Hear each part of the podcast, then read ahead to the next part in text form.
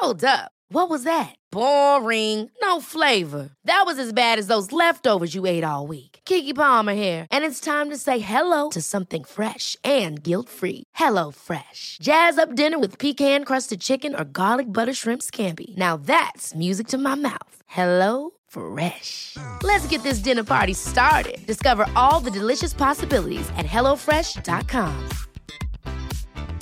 Hey, it's Ryan Reynolds, and I'm here with Keith, co star of my upcoming film, If, only in theaters, May 17th. Do you want to tell people the big news? All right, I'll do it. Sign up now and you'll get unlimited for $15 a month in six months of Paramount Plus Essential Plan on us. Mintmobile.com slash switch. Upfront payment of $45 equivalent to $15 per month. Unlimited over 40 gigabytes per month. Face lower speeds. Videos at 480p. Active Mint customers by 531.24 get six months of Paramount Plus Essential Plan. Auto renews after six months. Offer ends May 31st, 2024. Separate Paramount Plus registration required. Terms and conditions apply if rated PG.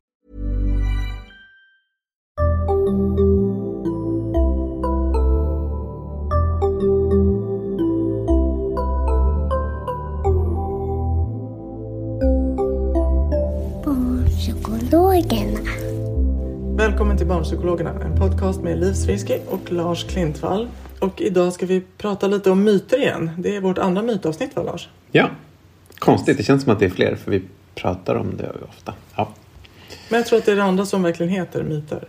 ja exakt. Ehm, och eh, då är det med temat liksom vad är, hur, alltså vad är en bra terapeut och vad är bra terapi?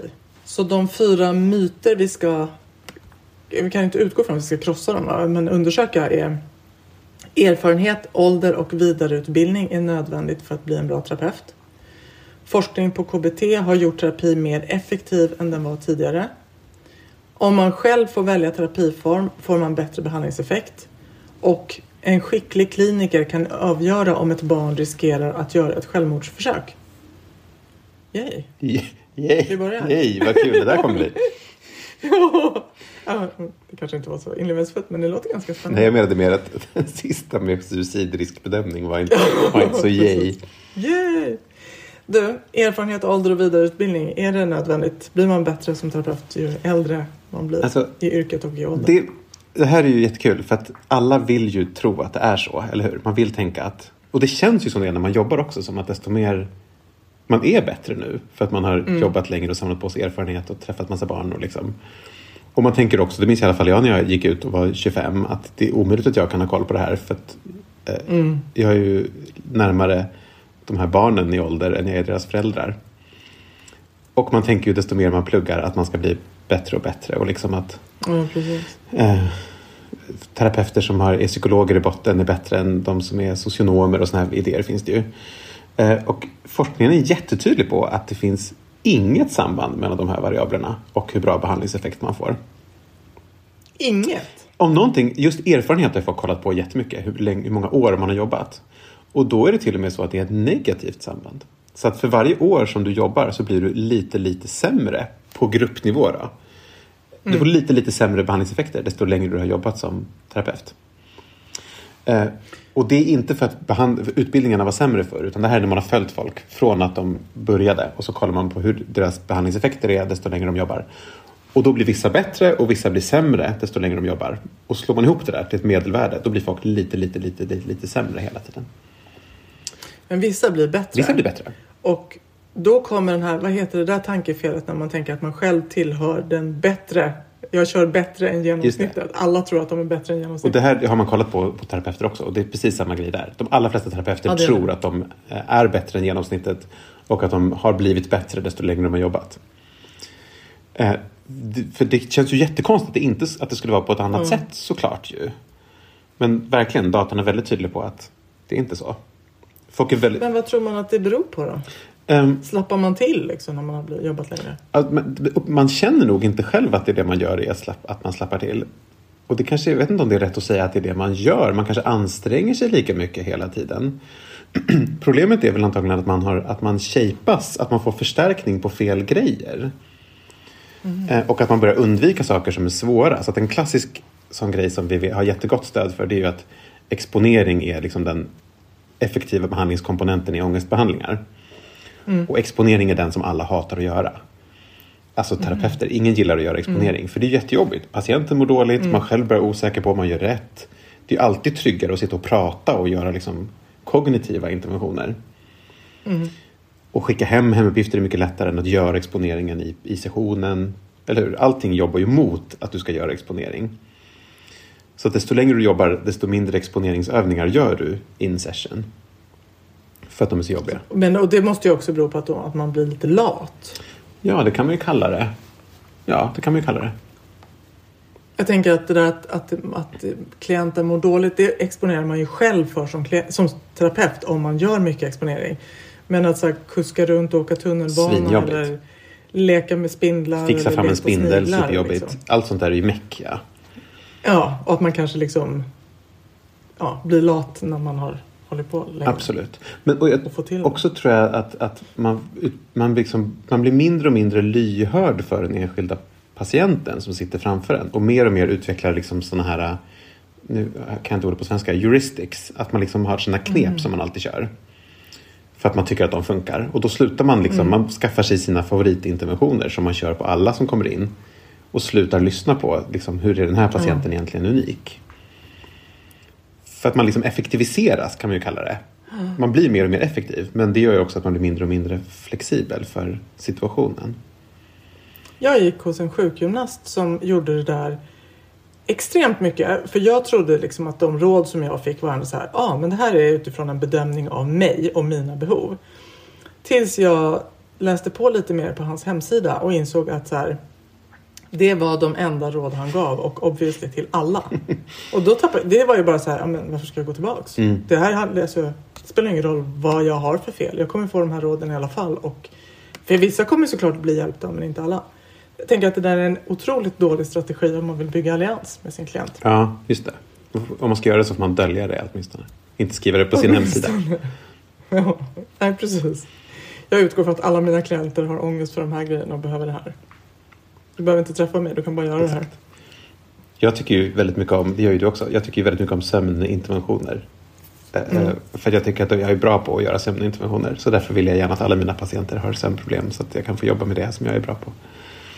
Men det, precis, jag, får, jag tänkte åt det hållet då. För jag tänker att den här forskningen, har man tittat på klienters problematik och satt det i relation till eh, utfall utifrån terapeutens erfarenhet? Just det. För man skulle ju kunna... Eller Nej, hur? det tror jag Att inte. Liksom, ja, ångestproblem, där kanske, där kanske en nybörjare gör nästan lika bra. Också därför att exponeringen är en så oerhört tydlig och konkret behandlingsmetod. Medan kanske klienter med typ ja, med mer existentiella problem, där kanske terapeutens ålder och erfarenhet faktiskt har stor betydelse. Absolut. Det här är någon sorts slask. Nu har jag slagit, ihop allting. Ja. Absolut. Det kan ju vara att det kan finnas subgrupper inom som man måste vara, ha erfarenhet för att kunna jobba med. Absolut. Jag vet inte hur det är med typ social färdighetsträning för barn med autism. Om, den är ju väldigt hård manualiserad i och för sig, så den borde man ju kunna vara bra på redan från början. Hur är ätstörningar, borderline kanske är olika, då kanske man måste ha mer erfarenhet. Så kan det ju vara.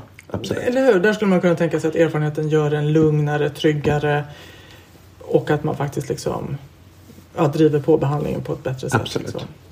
Men det, det som man också har sett i forskningen, tror jag, det är ju det här med att, att, eller så är det, att de som blir bättre, man vill ju vara dem, man vill ju veta att man är i den där gruppen som faktiskt blir bättre och bättre. Och går man i behandling så vill man vara säker på att ens terapeut är en sån som övar på att bli bättre och bättre. Det är ju de som faktiskt ser till att ta feedback från hur det går för patienterna. För problemet här som vi pratar om nu, det är ju bara att man gör grejer och så vet man inte om det funkar eller inte funkar. Det är så att man liksom det är som att man övar på att kasta pil utan att kolla på om man faktiskt träffar eller inte. Man bara kastar pil med förbundna ögon. Det är klart man inte blir bättre och bättre då. Liksom. Utan det man måste ha är att folk, terapeuter som liksom kollar på videos på sina egna sessioner eller tar feedback på hur liksom mäter varje session. Går, närmar vi oss våra mål? Eller det kan vara en sån enkel sak bara som fråga patienten. Tyckte du att vi ägnade den här sessionen åt vettiga grejer? Just. Den är ju lite skakig då, för det är inte säkert att, att patienten kanske inte tycker att exponering är superkul heller, fast forskningen tyder på att den, de ändå ska göra det. Men på något sätt liksom jobbar på att försöka bli bättre. Och bli bättre är inte bara att gå på föreläsningar, utan det är också faktiskt kolla på sina terapeutfärdigheter. Och liksom aktivt öva på det. Men kan man ändå dra slutsatsen av det här att man behöver inte önska sig en äldre terapeut? För det tycker jag ganska många gör faktiskt. Att man eh, yngre terapeuter kan få den. Liksom att nej men du verkar så ung, du verkar så oerfaren. Jag vill gå till någon som är äldre. Men att man kanske kan förvänta sig en lika bra behandling hos en ganska nybakad Ja, absolut. behandlare. Och jag, och jag tror inte man ska tänka att om man jobbar som skolkurator så ska man inte tro att folk som är, eh, har en högre utbildningsnivå nödvändigtvis måste få bättre resultat bara för det. Utan det beror Nej. på så mycket helt andra saker som man har kontroll över själv. Spännande. Vi tar nästa då. Eh, forskning på KBT har gjort terapi mer effektiv än den var tidigare. Nu måste jag bara fråga här. KBT-terapi eller all form av terapi? Alltså att KBT har tryckt på förbättring i alla olika terapiformer. Nej, ja, det, är- det är en bra poäng. Eh, nej, alltså den här, jag tror myt, nej, myt, det här är ju ingen som tror det här. Det är bara folk som håller på med KBT-forskning som jag som trodde att det här var sant. Att vi blir bättre och bättre. Ehm, men det där är en bra poäng. Det, det, det tror jag är en del av svaret faktiskt. För att myten då, att, att, att vi har forskat på det här jättemycket och därför har vi blivit mycket bättre. När man gör sådana här stora review-studier och kollar på forskningsresultat de senaste åren så blir folk inte, vi får inte bättre behandlingsresultat nu än vi fick för 20 år sedan. Och det där, apropå eh, färdighetsträning för barn med autism, det är samma sak där. Vi får lika bra behandlingsresultat nu som vi fick på 90-talet. Vilket är superkonstigt, för vi har lagt ner jättemycket tid på att hitta liksom, vilka är de verksamma mekanismerna, eh, liksom, träna på bättre terapeuter, allt sånt där. Och ändå får vi liksom inte större effektstorlekar. Det låter ju helt orimligt Det är ju att helt- vara visst är det skumt? Det är jätteologiskt. Ja. Eller hur? Visst är det skumt? Och, ehm, Förklara. Jag vet inte, det finns en massa idéer om vad det där beror på. Alltså, kan, det kan ju vara att vi faktiskt vi tror att vi gör behandlingarna bättre. Men att vi liksom bara lägger till en massa fluffgrejer som bara smetar ut det som faktiskt är effektivt. Alltså, tjat om exponering, men så här att för 20 år sedan så visste alla att exponering är det vi ska göra och så gjorde man bara det. Och nu har vi slängt in en massa andra grejer som vi kanske inte riktigt vet om de hjälper. Massa self-compassion och mindfulnessövningar och så tredje vågen-grejer. Som kanske inte gör så himla stor skillnad. Men om man har gjort så liksom, att man faktiskt har letat efter vad är de verkningsfulla mekanismerna så borde man ju ha nailat det. Eller hur? Skalat bort det som är meningslöst och lagt, bara lagt till bra Ja, grejer. eller hur? Superkonstigt.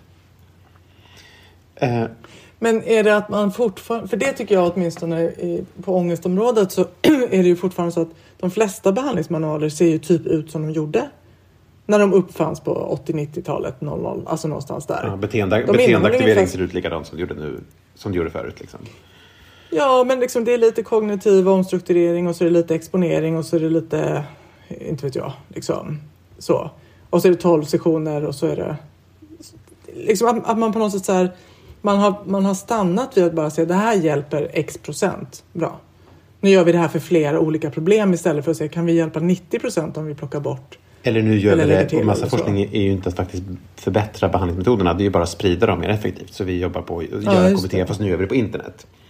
Ja, Så, att vi har samma behandling. Det är bara att vi nu kan få ut den till fler personer och det är väl bra. Men vi har inte, som du säger, vi har inte kommit åt egentligen kvaliteten på behandlingen. Nej. Men jag, en möjlighet, för det var ju det du sa där med har KBT-forskning gjort annan terapi bättre? För så tänker jag att det absolut kan vara. Att det som har hänt är vi kanske visst gör bättre terapi nu. Men eftersom alltid när vi utvärderar en, om en terapi är bra eller inte, då jämför vi det med en kontrollgrupp som får någon sorts stödbehandling eller sitter på väntlista. Men de existerar ju inte i ett vakuum. De har ju, eller just hur? det. De är ju inte dumma i huvudet. De googlar ju också vad ska jag göra för att komma ur min sociala äh, ångest. Och då kommer de ju få en massa effektiva KBT-knep. Eller? Att idén att, liksom, att till exempel att det inte går att vila sig ur en depression, att det är bra med fysisk aktivitet och liksom aktivera sig.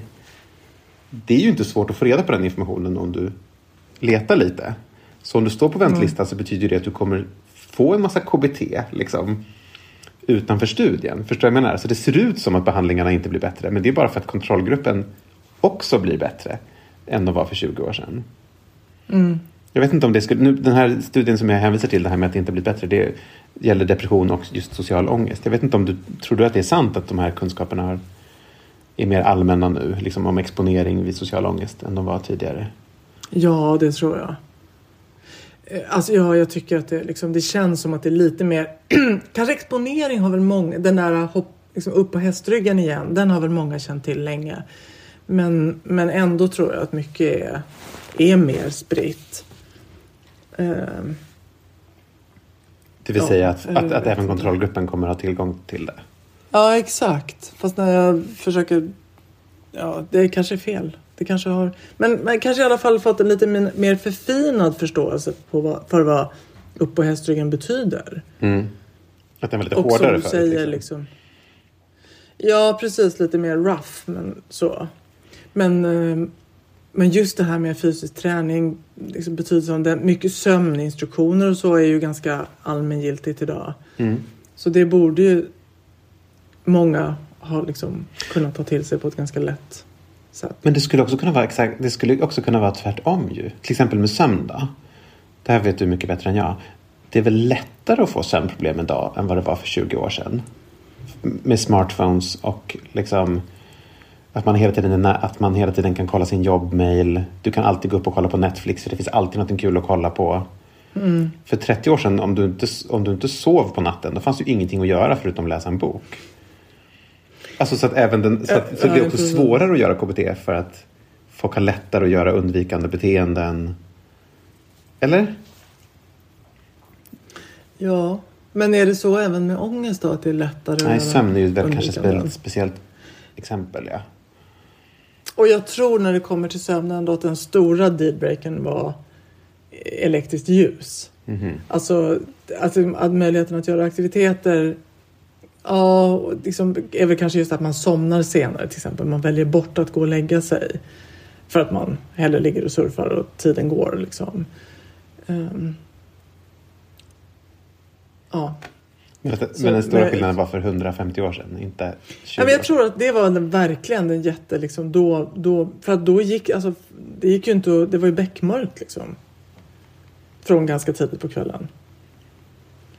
Och då sov man. Och, men sen, ja, fast sen har det säkert också mängden fysisk aktivitet påverkat och man har mer fysiska jobb som gjorde att man sov bättre och så.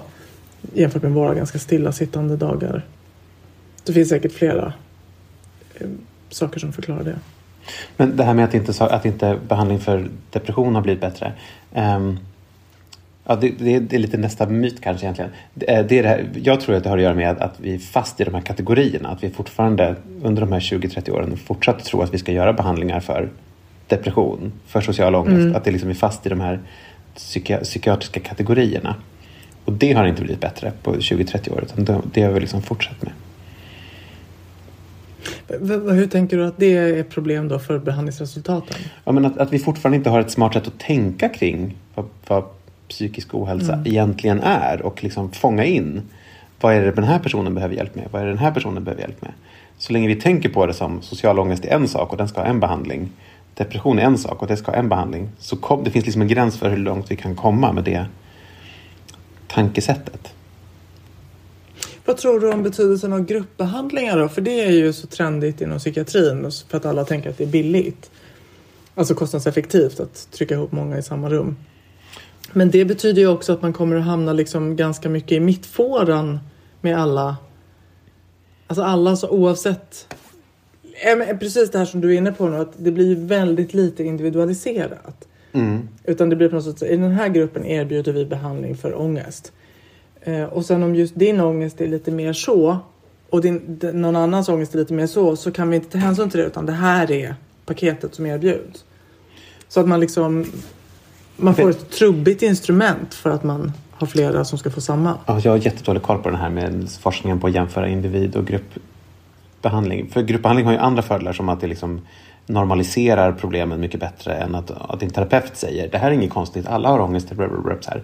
Det är klart att det är mycket bättre att sitta i ett rum med tio andra personer som säger jag tycker också det är svinläskigt att prata med mina kollegor på jobbet. Att det gör ju att det känns mycket normali- mer normaliserande och mer motiverande att höra jag testade den här hemuppgiften och det funkade jättebra. Det är klart att det kommer öka min motivation att göra samma hemuppgift än att min terapeut säger att det här kommer funka bra. Så gruppbehandling har ju andra fördelar. Och jag vet inte vad forskningsläget säger om fördelar och nackdelar med det där. Nej. Nej, och på, nej, jag vet bara att vid social fobi så har det väl varit ganska lika va? Och grupper. För där har man ju tänkt att grupp skulle vara starkare just för att man får med gruppen redan i behandlingen. Liksom. Att man har, bara att gå på terapin blir exponering för att vara med andra människor, prata inför andra och så. Men att det inte var, är så stor skillnad. Som man skulle vilja. Nej, precis.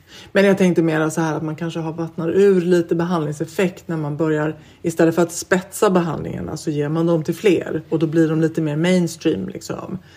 Just det. Eh, och då kan man ju säga att liksom, ja, då kanske, alltså istället för att 98 procent plötsligt som får en viss behandling blir bättre så är det bättre att jättemånga får den fast 80 procent av dem jättemånga blir Just ändå det. bättre. Ja, det kan ändå vara rationellt att göra så ja. Ja, precis. Absolut. Liksom ur något slags hälsoekonomiskt Absolut, eller, och vara. också mänskligt. Absolut. Okej, ska vi ta nästa myt? Mm. Eh, om man själv får välja terapiform så kommer resultaten bli bättre. Ja, den här är ju jättepoppis. Den här har vi hört hur länge som helst ju. Ja, verkligen. Särskilt psykodynamiker brukar gilla den här grejen. Att KBT Mm. funkar för de som vill ha KBT och psykodynamisk funkar för de som vill ha psykodynamisk. Och eh, det verkar inte finnas något stöd för det här överhuvudtaget, vilket ju är superkonstigt. Det, vore, det känns ju väldigt rimligt att det skulle vara så att folk som vill ha KBT eh, svarar bättre på KBT och de som vill ha psykodynamisk behandling skulle svara bättre på psykodynamisk behandling. Jag såg till och med någon studie för inte så länge sedan som var att det var en liten effekt i motsatt riktning. Så att det är bättre att bli slumpad till behandling än att få välja. Eh, det är kul. Och just, man, nu bara spekulerar jag ju såklart att eh, det skulle kunna vara så att det precis det du behöver är det antagligen det som du inte kommer att välja. Om man är väldigt bra på att sitta och snacka och mentalisera och prata om hur jag mår och liksom sätta ord på det där, då behöver du inte en behandling som gör ännu mer av det. Då behöver du absolut någon som tvingar dig att gå ut och göra grejer. Eller hur? Medan om det är tvärtom, att du har inga problem att du, är väldigt, du är väldigt dålig på att prata om känslor, ja då kanske det är precis det du ska öva på. Så det skulle precis, man kan verkligen tänka sig att det är precis tvärtom. Det du tror att du ska ha är det du inte ska ha. Det du är bekväm med är det du inte ska ha. Eller man ska tänka. Ja, just det. Men, och det konstiga är också, även terapeuter är dåliga på att individualisera behandling. Om man låter terapeuter välja eh, intervention väldigt liksom...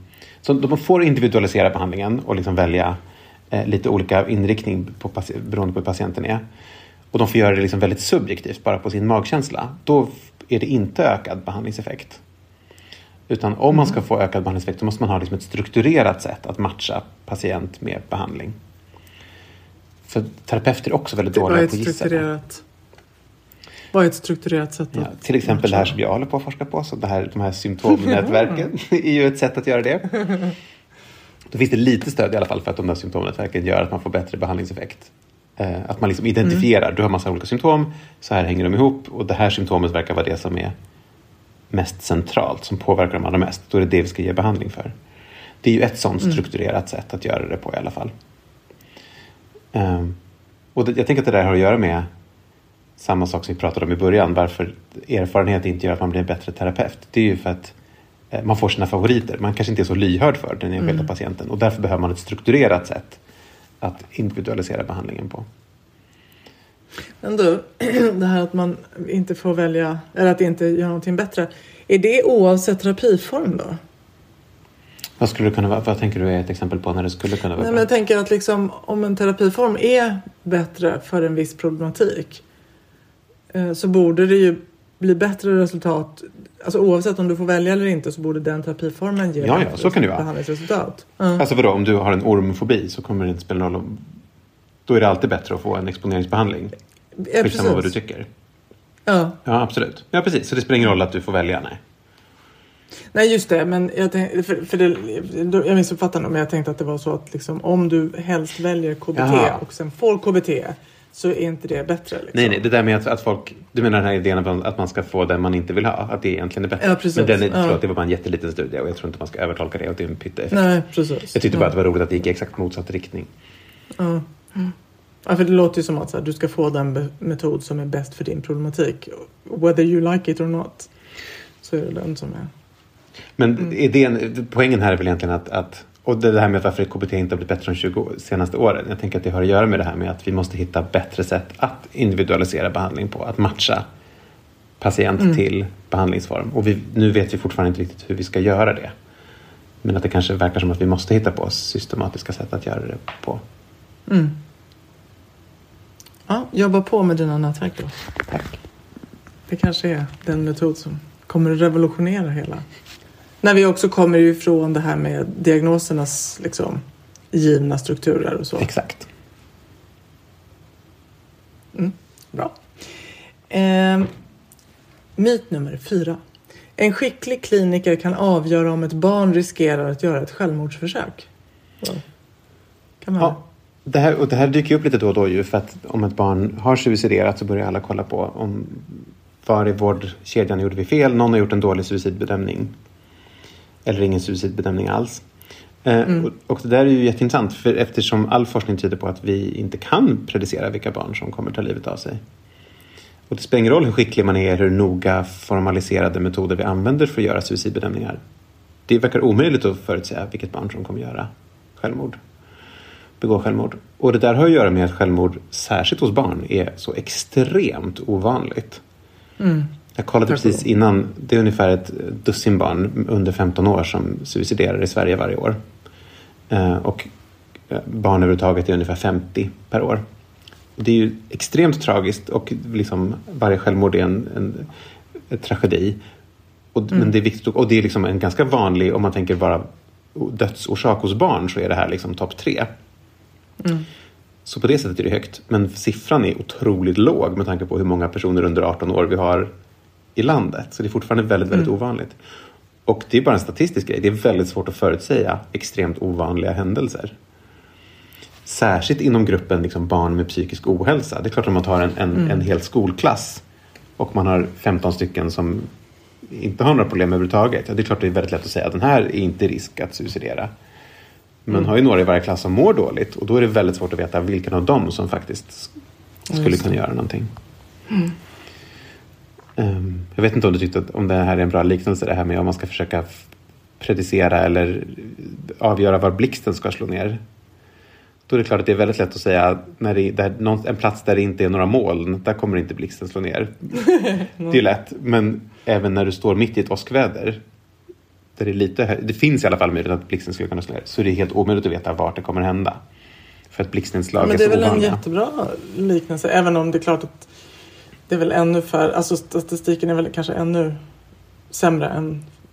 Alltså det, det är så otroligt många blixtar. Ja. Och så få som slår ner. Liksom. Och det är inte så många Eh. barn som tar livet av sig.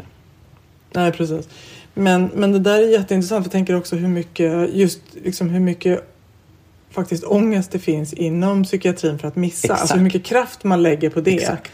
Som antagligen då tas från andra åtgärder som kanske skulle ha varit bättre suicidprevention än Som är att lägga... att bara göra suicidbedömningar. Exakt, eftersom det gör vi ju helt tvångsmässigt för att vi vill vara säkra på Ja. att vi i alla fall inte ska vara skyldiga om någonting händer. Så har vi ryggen fri. Liksom. Det är det, den, det, den fyller den funktionen och kanske inte nödvändigtvis för barnets skull.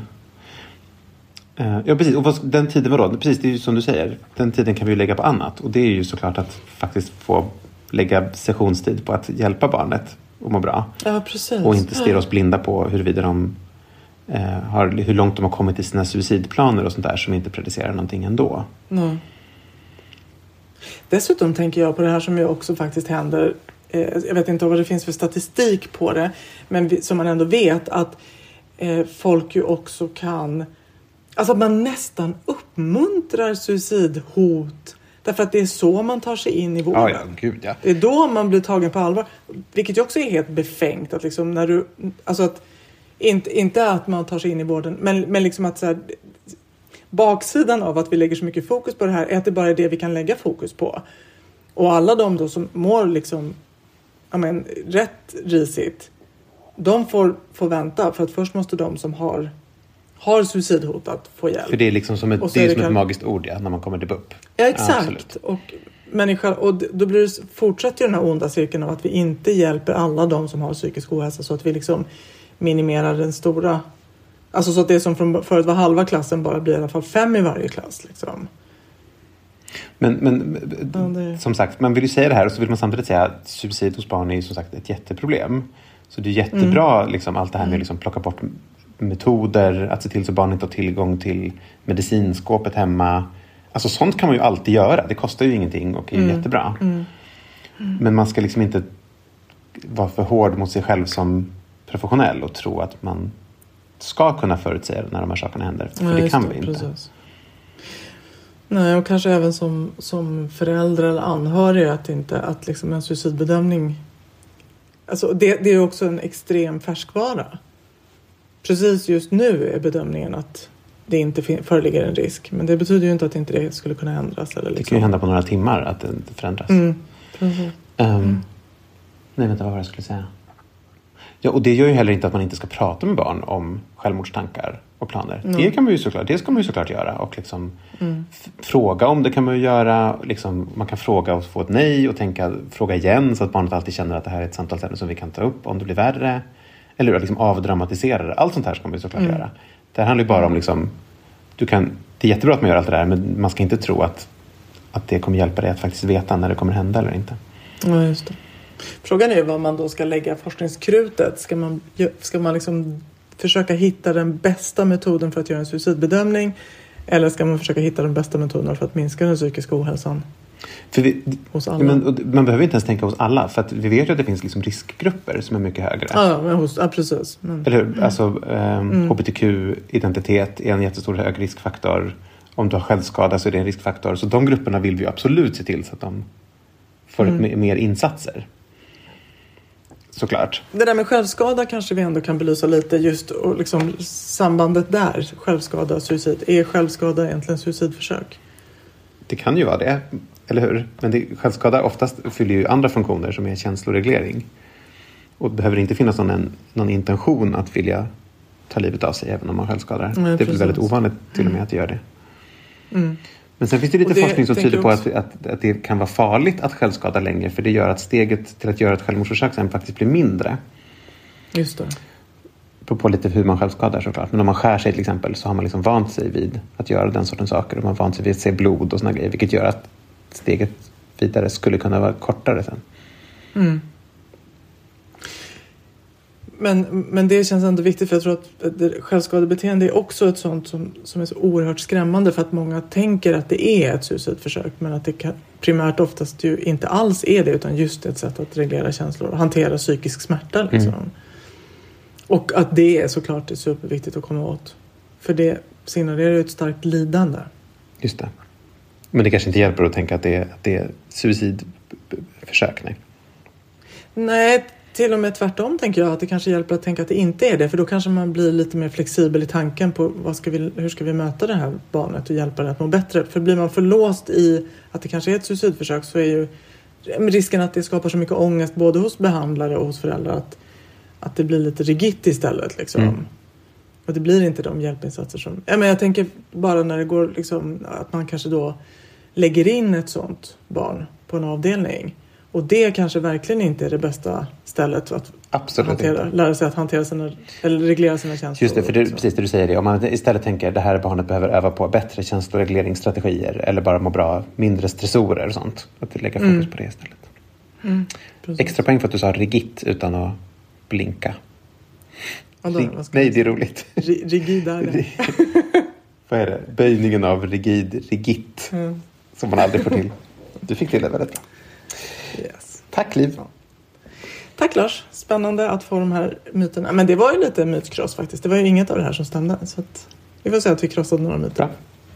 Bra. Tack också ni som har lyssnat. Ett nytt avsnitt kommer snart. Eh, till dess kan ni följa oss på Facebook där vi heter Barnpsykologerna och på Instagram där vi heter Barnpsykologerna understreckade podd. Tack, hej! Tack hej.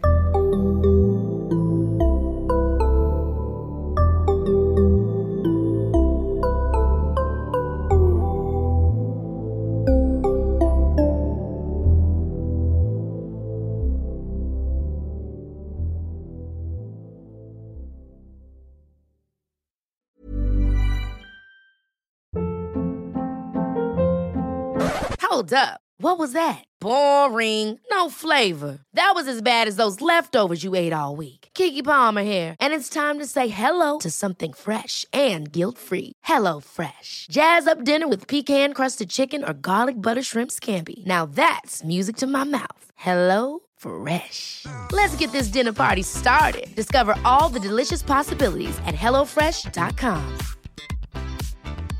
Hey, it's Paige DeSorbo from Giggly Squad. High quality fashion without the price tag. Say hello to Quince. I'm snagging high-end essentials like cozy cashmere sweaters, sleek leather jackets, fine jewelry, and so much more. With Quince being 50 to 80% less than similar brands. And they partner with factories that prioritize safe, ethical, and responsible manufacturing. I love that. Luxury quality within reach. Go to quince.com slash style to get free shipping and 365 day returns on your next order. Quince.com slash style.